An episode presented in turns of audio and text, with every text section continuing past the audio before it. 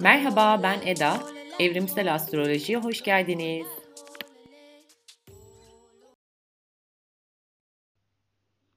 Bugünün konusu Satürn.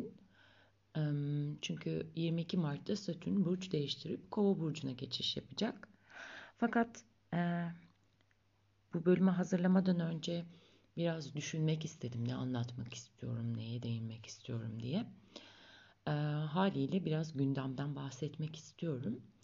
E, bu da daha çok Satürn'ün Oğlak Burcu'ndaki seyriyle ilgili ve e, 9 Ocak'taki o büyük hizalanma işte bütün astroloji camiasının anlatı anlatı bitiremediği Satürn Plüto kavuşumuyla da bağlantılı. Ee, açıkçası e, gerçekten birazcık gökyüzü bizi ters köşe yatırdı diyebilirim. Hani sağ gösterip sol çaktı da denilebilir. Belki de böyle değil. Hani biraz daha geniş düşününce aslında tahmin edilebilirdi. Ama benim aklıma gerçekten e, virüs falan gelmedi. Doğrudan savaşlar olabileceğini e, dair düşünmeye başlamıştım. Neyden bahsediyorum? E, yaklaşık işte 33 yılda bir, daha önce bununla ilgili bir podcast hazırlamıştım. Yaklaşık 33 yılda bir e, tekrar eden bir döngüden bahsediyorum. Satürn ve Plüto gezegenlerinin birbirleriyle kavuşarak başlattıkları döngülerin yeryüzünde çok güçlü değişimlere denk geldiği gözlemleniyor. Dolayısıyla e, kavuşumun gerçekleştiği burç, burcun sembolizmasıyla tahminlerde bulunabiliyoruz. Ne tür bir değişim gerçekleşeceğine dair. Tabii ki bu iki gezegenin yarattığı değişim önce işin içinde Plüto olduğundan dolayı hani karanlığımızla yüzleşmek, e, bugüne kadar yerin altına ittirdiklerimiz, görmezden geldiklerimizle yüzleşmekle başlıyor. Yani önce bir um, dönüşüm gerçekleşmesi gerekiyor ki o güçlü değişim e, olabilsin. Dönüştürmemiz gerekenler ise e, insanlık olarak inkar ettiklerimiz, bastırdıklarımız, görmezden geldiklerimizle ilgili, karanlığımız, gölgemizle ilgili yani. Şimdi bu kavuşum Oğlak Burcu'nda oldu. Dolayısıyla Oğlak Burcu'nun sembolizmasına baktığımızda aklıma benim ilk gelen dünya genelinde düşünürsek sınırlarla ilgilidir, otoriteyle ilgilidir, para ve bankayla, bankacılık sistemiyle ilgilidir. Haliyle bunları bir arada düşündüğümde benim aklıma galiba bir savaş çıkma olasılığı yüksek. Umarım olmaz tabii ki de ama geçmişte de gerçekten bu iki gezegenin bir araya geldiği zamanlarda savaşlar olduğu işte Birinci Dünya Savaşı mesela gözlemlendiği için ve Oğlak Burcu'nu düşününce dedim herhalde sınırlarla ilgili bir mevzu ki bu savaş olma ihtimali yüksekle karşılaşacağız. Fakat gelin görün ki aslında savaştan da hani döndüğümüz birkaç durumda yaşandı. E, Türkiye malum. Onun öncesinde bu kavuşumdan birkaç gün önce ya da birkaç gün sonra çok emin değilim. E, Trump'ın yani Amerika'nın e, İran'ın komutanlarından üst generallerinden birinin öldürdüğünü duyduk ve üzerine hani bir savaş çıkma potansiyeli korkusu etraf sarmıştı. Hani böyle küçük küçük küçük denilmez gerçi bunu ama um, ne diyelim irili ufaklı bir dünya genelinde savaş çıkma potansiyelleri de bir böyle kapı aralığından kendini gösterdi. Ama asıl bence e, hmm, etkisini hissettiğimiz anlaşılan bu korona virüsü. E, ve doğrudan ne oldu? Sınırlar kapatıldı, e, bir takım yasaklar getirildi, e, ulaşım engellendi. Gerçekten tam bir oğlak sembolizması. Oğlak otoriteyle, yasaklarla, kurallarla ilgilidir gerçekten ve gördüğünüz üzere şu an gerçekleşen şey tam da bu. Yani sınırların kapatılması ve bir bir takım kuralların yasakların getirilmesiyle ilgili. Um, peki bütün bunlar bize ne anlatıyor? Ne anlayabiliriz? Nasıl bir mesaj çıkartabiliriz bunlardan, bu olanlardan? İşin içerisinde dediğim gibi Satürn ve Plüto var. Ee, açıkçası Plüto, Plüto açısından baktığımızda evet ne yapıyoruz? Karanlığımızla yüzleşiyoruz aslında. Nasıl bir karanlık bu? Ee, sonuçta bu virüsün çıktığı çıkış noktasına baktığımızda vahşi dünyanın e, yani vahşi hayvanların e, nasıl süreçlerden geçtiği, nasıl hmm, ticaretinin gizli saklı da olsa yapıldığı, e, aslında doğa ananı, anaya nasıl tecavüz ettiğimize dair insanlık olarak bir yüzleşme sürecinden geçiyoruz. E, işin komik tarafı bu yüzleşme süreci sadece bu virüsle başlamadı. Sonuçta bir e, iklim değişikliği, global ısınma vesaireden bahsediyoruz. Hmm, ama bunlar bir şekilde ciddiye alınmadı fark ettiyseniz. İşte Greta çıktı, küçücük bir kız çocuğu çıktı, bütün dünyaya ayaklandırdı. Yine de hiçbir önlem alınmadı. Yine de hiçbir e, ciddi adım atılmadı. Fakat ne oldu? E, bu sefer benim gördüğümü anladığım e, gezegenin sonuçta canlı olduğunu biliyoruz yani. E, onun kendine has bir enerjisi var, ruhu var. E, dolayısıyla o da kendi bana öyle geliyor ki kendi bildiği şekliyle e, bu mesajı vermeye çalıştı. Yani karanlığımızla yüzleşmemiz için bir fırsat çıktı aslında. Böyle düşünebiliriz. Pluto versiyonundan bakarsak yani işte ölümle yüzleşiyoruz tabii ki de bir yerden de. O karanlığa ittiğimiz dehşet verici görüntülerle de yüzleşiyoruz bir yerden baktığımızda. Bu işin Pluto kısmı. Satürn kısmına geldiğimizde ise Satürn gerçekten o kadar dünya gezegeniyle e, ve buradaki yaşamla, zamanla ve mekanla o kadar bağlantılı bir gezegen ki e, haliyle etkisi bireysel olarak yaşamlarımızda e, çok güçlü bir şekilde kendini gösteriyor. Global olarak baktığımızda ise ya da kolektif olarak diyelim baktığımızda ise yine benzer etkiyi görüyoruz. Zaman bu yani Satürn üzerinden konuşmamı birazcık aslında bu zaman ve korku kavramları üzerinden ilerletmek istiyorum. O yüzden önce bir Satürn'ün Oğlak Burcu'ndaki sembolizmasına bakalım. Ya da önce bir belki biraz daha Satürn'ü irdelemek de gerekebilir. Satürn buraya geliş amacımızı bana hatırlatıyor gibime geliyor. Yani burada bir şeyler yapmaya geliyoruz. Bir şeyleri inşa etmeye, somutlaştırmaya, elle tutulur, gözle görülür hale getirmeye e, geldiğimizi düşünüyorum.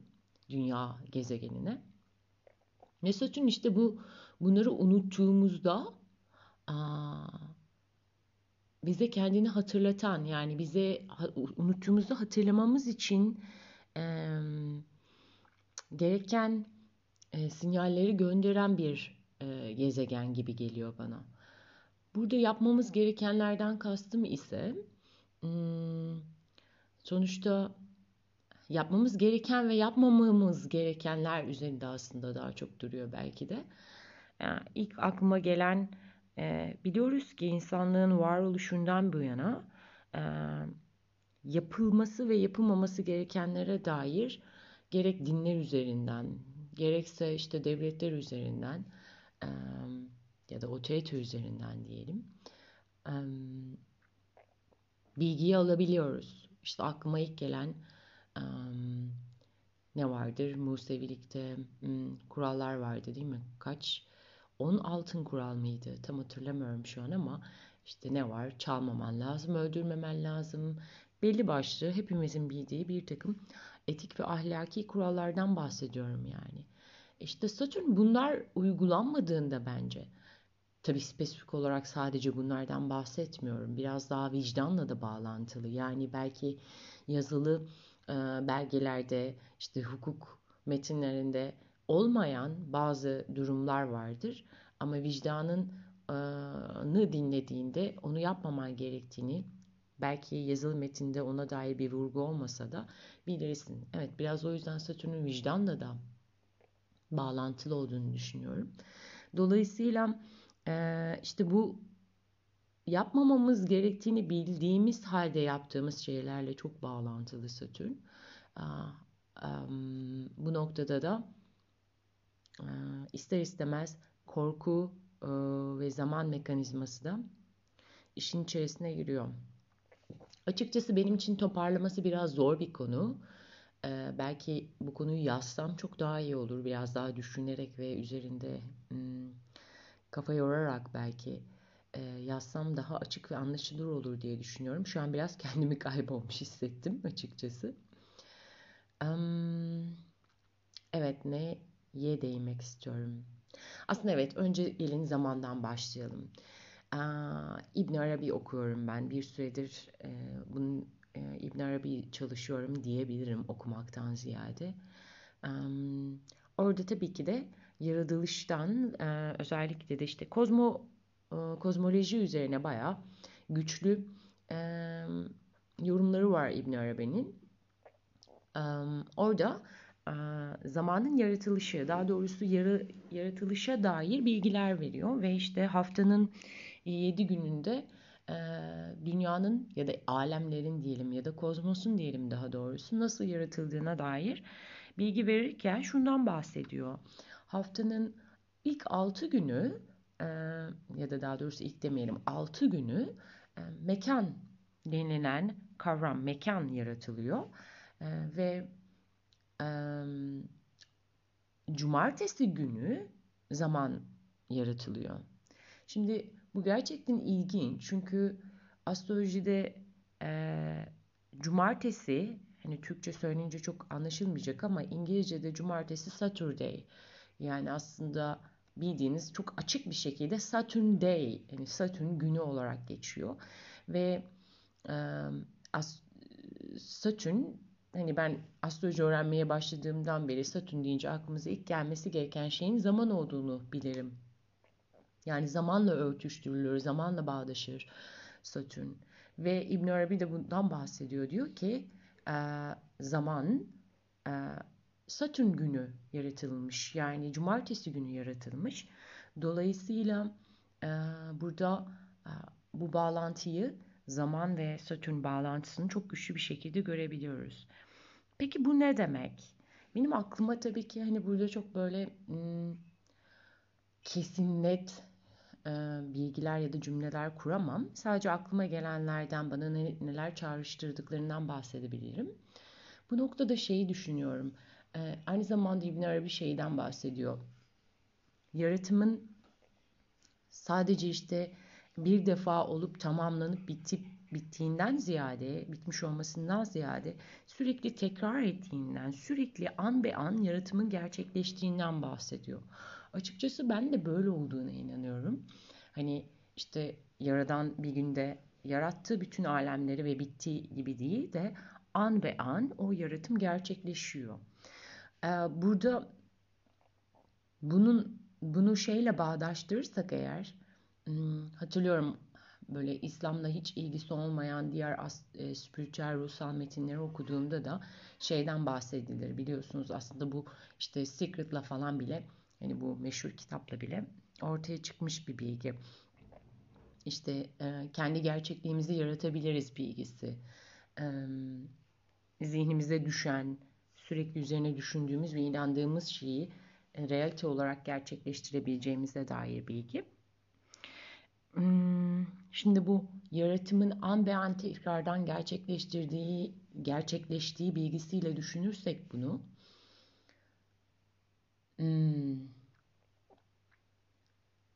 O zaman kader kavramı da tabii ki de ortadan kalkıyor. Yani eğer biz beşer isek insan olma yolunda ilerleyen ya da insanı kamil olma yolunda ilerleyen beşer isek kaderde bir kavram tabii ki de var. Yani bunu uyanışla, uyanmakla da bağdaştırabiliriz. Eğer uyanmadıysak hala bir beşeriz ve dolayısıyla e, bizim için yazılmış olanı e, tek yazılmış olan değişmeden kendini e, tekrar ediyor. Ama eğer uyan, uyanmış isek e, yaratım an be an yaratıldığı için, varoluş an be an yaratıldığı için e, özgür irade devreye giriyor ve seçimler yapabilme şansımız ortaya çıkıyor. Dolayısıyla kendi realitemizi an be an özgür seçimlerimizle yaratabiliyoruz diye düşünüyorum tabii ki de. Bunlar hani böyle kesin tabii ki şeyler olarak sunmuyorum. Böyle derinlikli, felsefi ya da bilimsel bilgiler olarak. Bunlar benim kendi kafa yormalarım diyebilirim. Bu noktada o zaman Satürn'ün ne alakası var bütün bunlarla diye düşünürsek ya da bu yaşadıklarımızın. Um, uh,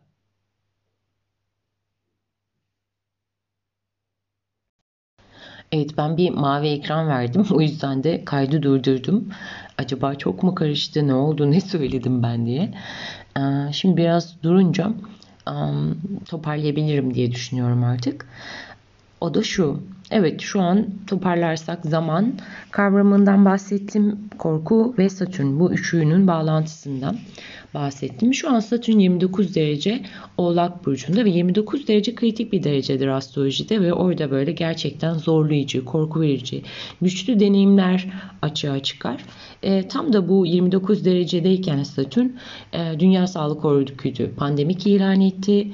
E, bu virüsü bu salgını üstüne Türkiye'de de bu vaka görüldüğü ortaya çıktı. Yani yaşadığımız topraklarda da etkisini güçlü bir şekilde hissettiğimiz bir korku dalgası var.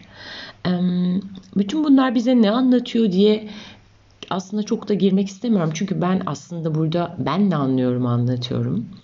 Ee, objektif bir bilgiden ziyade aslında size subjektif bir bilgi sunuyorum en nihayetinde. Benim gördüğüm şu. Satürn evet e, zaman ve korkuyla bağlantılı. Çünkü düşündüğümüzde zaman ne? Ee, bir kere İbn Arabi de aynı şeyi söylüyor. Zaman sadece insana özgü bir kavram. Yani aslında zaman diye bir şey yok. Fakat biz var diye algılıyoruz. Ve zaman varsa ne vardır? Ölüm vardır. Bunu net biliyoruz. İşte korkunun zamanla bağlantısı burada ortaya çıkıyor. Şu an deneyimlediğimizde tam olarak bu. Yani zamanın vurgusu belki görünür değil burada ama korku ve ölüm e, çok açık bir şekilde ortada. Fakat işin ilginç tarafı burada böyle kendini hatırlatan çok güçlü bir mesaj var. O da şu, hepimiz birbirimizle bağlantılıyız. Yeryüzünde var olan her bir canlı veya hatta cansız varlık birbiriyle bağlantılı. Bir kere bu şu anki deneyimimizin içinde barınan bence en güçlü mesaj bu. Fakat ilginç bir şekilde bu güçlü mesaj hepimizin birbiriyle bağlantılı olduğu mesajı korku unsuruyla rojene oluyor. Benim de burada aslında e, önerim diyelim e, bunu kırmakla ilgili. O da e, bu hani bu deneyim aslında bizi demin bahsettiğim o beşer olmaktan insanı kamil olmaya yönelten bir fırsat olarak da görebiliriz bunu. Yani çok güçlü bir şekilde tevhid bilincine, birlik bilincine doğru bir e, bir araç ya da bir fırsat olarak değerlendirmemiz de mümkün. Bir kere hani bu artık e, bilinen bir gerçek. Hepimiz birbirimizle bağlantılıyız. Hepimiz biriz.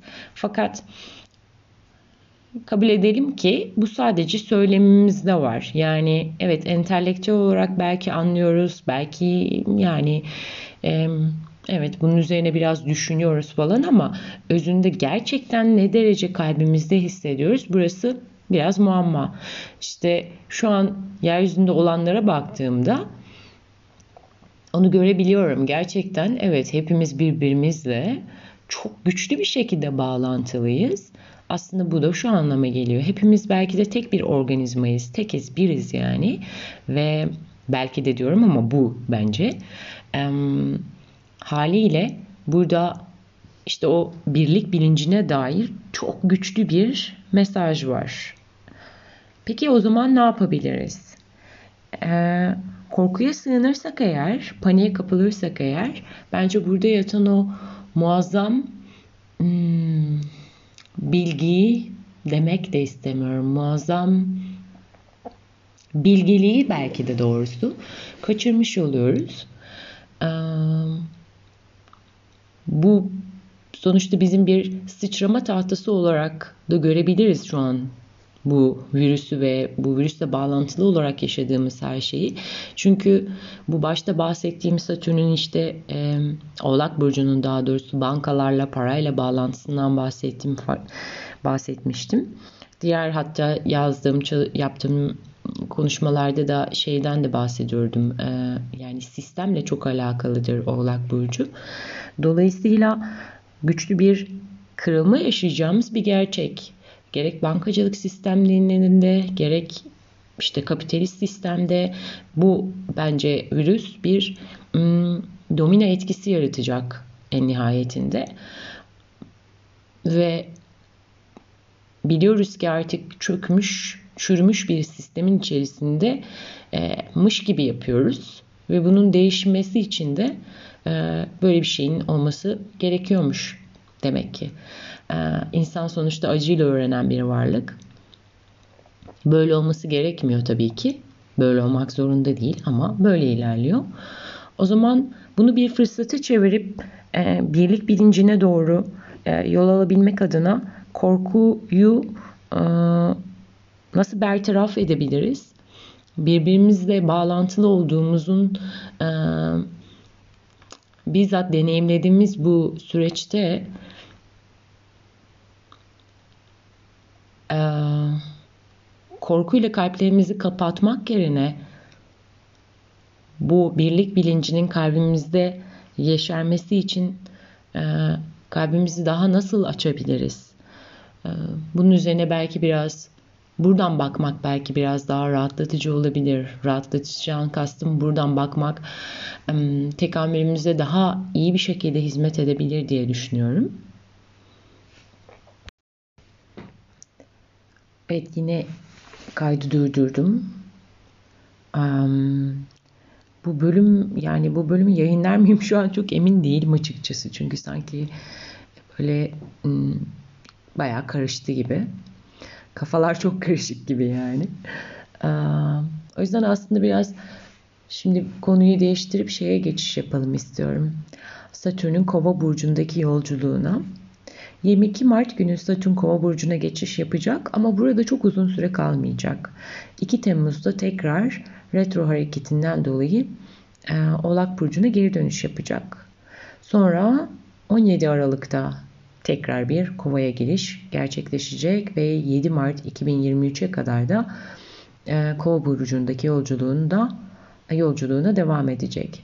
Dolayısıyla aslında 2020 içerisinde bu kova enerjisini çok yoğun bir şekilde hissetmeyeceğiz. Yıl sonunda asıl e, gerçek anlamda bir kovaya geçiş olacak. Hmm, ama yine de sonuçta 2 e, Temmuz'a kadar bu kova enerjisi hakim. Dolayısıyla biraz bu ne anlama geliyor ondan bahsedeyim. Şimdi baktığımızda tarihte Satürn'ün kova burcundaki yolculuğunda şunları görüyoruz. İşte mesela Einstein'ın görelilik kuramı bu tarihe denk geliyor. Satürn kova burcundayken ortaya çıkıyor. İlk motorlu uçak yine bu tarihteyken ortaya çıkıyor. Bu buna benzer böyle özellikle de bilimsel buluşlar, keşiflerle bağlantılı olan bir enerji var aslında. Çünkü Kova burcu gerçekten bu anlama geliyor. Daha ilerici olmak, teknolojik gelişmeler, bilimsel gelişmelerle bağlantılı bir arketip kova. Aslında bence özünde deha ile çok bağlantılı. Yüksek zeka, deha'yı anlatan bir arketip kova e, ilerici ve özgürlükçü düşünce, düşüncelerle, çağın ötesinde olmakla bağlantılı. E, biraz şey gibi bir situation aslında. Hani ilkellikten e, daha tanrısal zekaya yaklaşmakla bağlantılı diyebilirim kova, kova arketipi için. Uranüs'le bağlantılı zaten. Bu noktadan baktığımda o zaman Satürn'ün bu kova yolculuğu için şöyle diyebiliriz. Özellikle 2020'deki bu kısa süreli yolculuğu için belki bu koronavirüsü ile bağlantılı olarak bir e, gelişme yaşanabilir. Bilimsel bir e, yani belki aşısı vesaire bulunabilir. E, onun dışında onun dışında evet yani Kova aynı zamanda şeyle de çok bağlantılı. Hümanizmle, insanla bağlantılı. İnsancıl değerlerle, insan haklarıyla da bağlantılı bir arketip. O yüzden Satürn'ün Kova burcundaki yolculuğunda önemli gelişmeler olacağını da söyleyebiliriz aslında şeyle ilgili. İnsan haklarıyla, insan iyi değerlerle bağlantılı olarak ilerici fikirler, adımlar, e, gelişmeler ortaya çıkabilir. Ama en nihayetinde bu Satürn sonuçta zamanla ölüm e, korkuyla ölümle bağlantısından bahsettik. Bütün bunlar aslında bir yerde de karmayla da bağlantılı. Zaman işin içerisine gelince zaten karma dediğimiz şey ortaya çıkıyor. Karmadan kastım da e, attığımız her adımın bir karşılığı, bir etkisi olduğu ve dönüp dolaşıp bizi de etkileyeceği kavramına işaret. Hani şeyden bahsettim ya bir önceki üç parçaya ayırdığımı düşünürsek bu e, podcast'i e, birlik bilincinden hepimizin birbirimizle bağlantılı olduğundan bahsettim. İşte aslında bu karma yani ben bir adım attığımda e, bir etki yarattığımda bu dönüp dolaşıp beni gelip et, tekrar etkiliyor. Neden? Çünkü aslında ben diye bir şey yok yani sadece bir birlik var ve bu birliğin içerisinde ortaya çıkan her etki bir şekilde dönüp dolaşıp her noktasına ulaşıyor. Karma benim anlayışımda tam olarak bu. E, o yüzden Satürn karmayla bağlantılı. O yüzden e, ne ekersin onu biçersin prensibi çok güçlü çalışıyor Satürn mevzu bahis olduğunda. Dolayısıyla burada insanlık olarak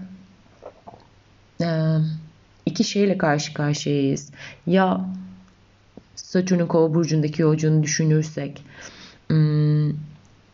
bilimi, ilerici düşüncelerimizi, özgürlükçü fikirlerimizi insanlığın gelişimi adına bugüne kadar yarattığımız tahribatı onarmak adına mı kullanacağız? E, yoksa işte hani atom bombası gibi e, bilimin e, tekrar daha güçlü bir karma yaratarak e, tahribat yaratarak mı kullanacağız? E, biraz bu sorular da gündeme geliyor ister istemez. Satürn söz konusu olunca. Hmm. Ama e, burada ilginç bir şey var. 21 Aralık 2020'de e, Satürn Jüpiter'le e, kavuşum yapıyor Kova burcunda. Ben de dahil yine birçok astrolog bundan şey olarak söz ediyoruz. Hani Kova çağına giriş olarak söz ediyoruz. Gerçekten çok güçlü bir sembolizm var burada Kova çağına giriş olarak. Kova çağı nedir? Kova çağına girmek nedir? Bunlara şu an girmek istemiyorum ama başka bir bölümde bunu anlatabilirim uzunca.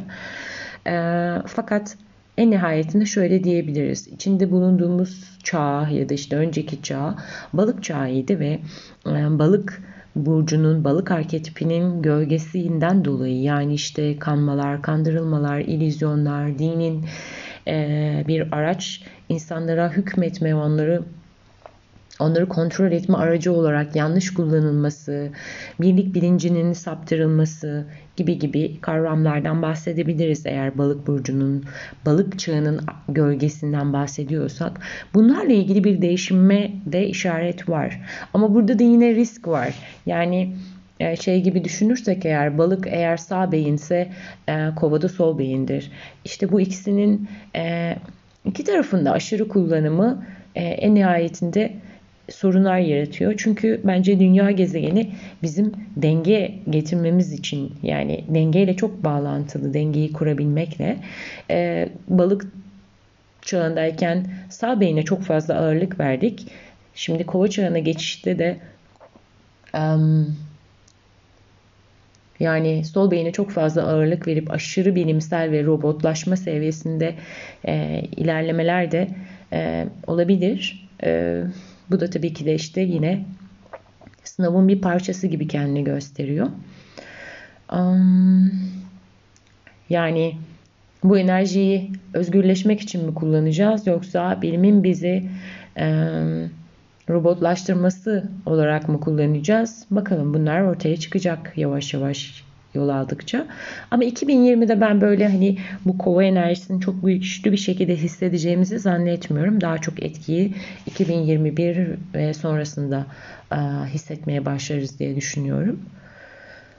Evet, umarım kafalarınızı daha çok karıştırmamışımdır. Ee, gerçekten zor kavramlar aslında.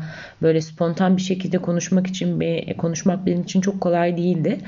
Ee, belki üzerine biraz daha e, hani böyle bir sisteme oturtarak, iskeletini çıkartarak yazabilirim de. Ee, evet, dinlediğiniz için teşekkürler.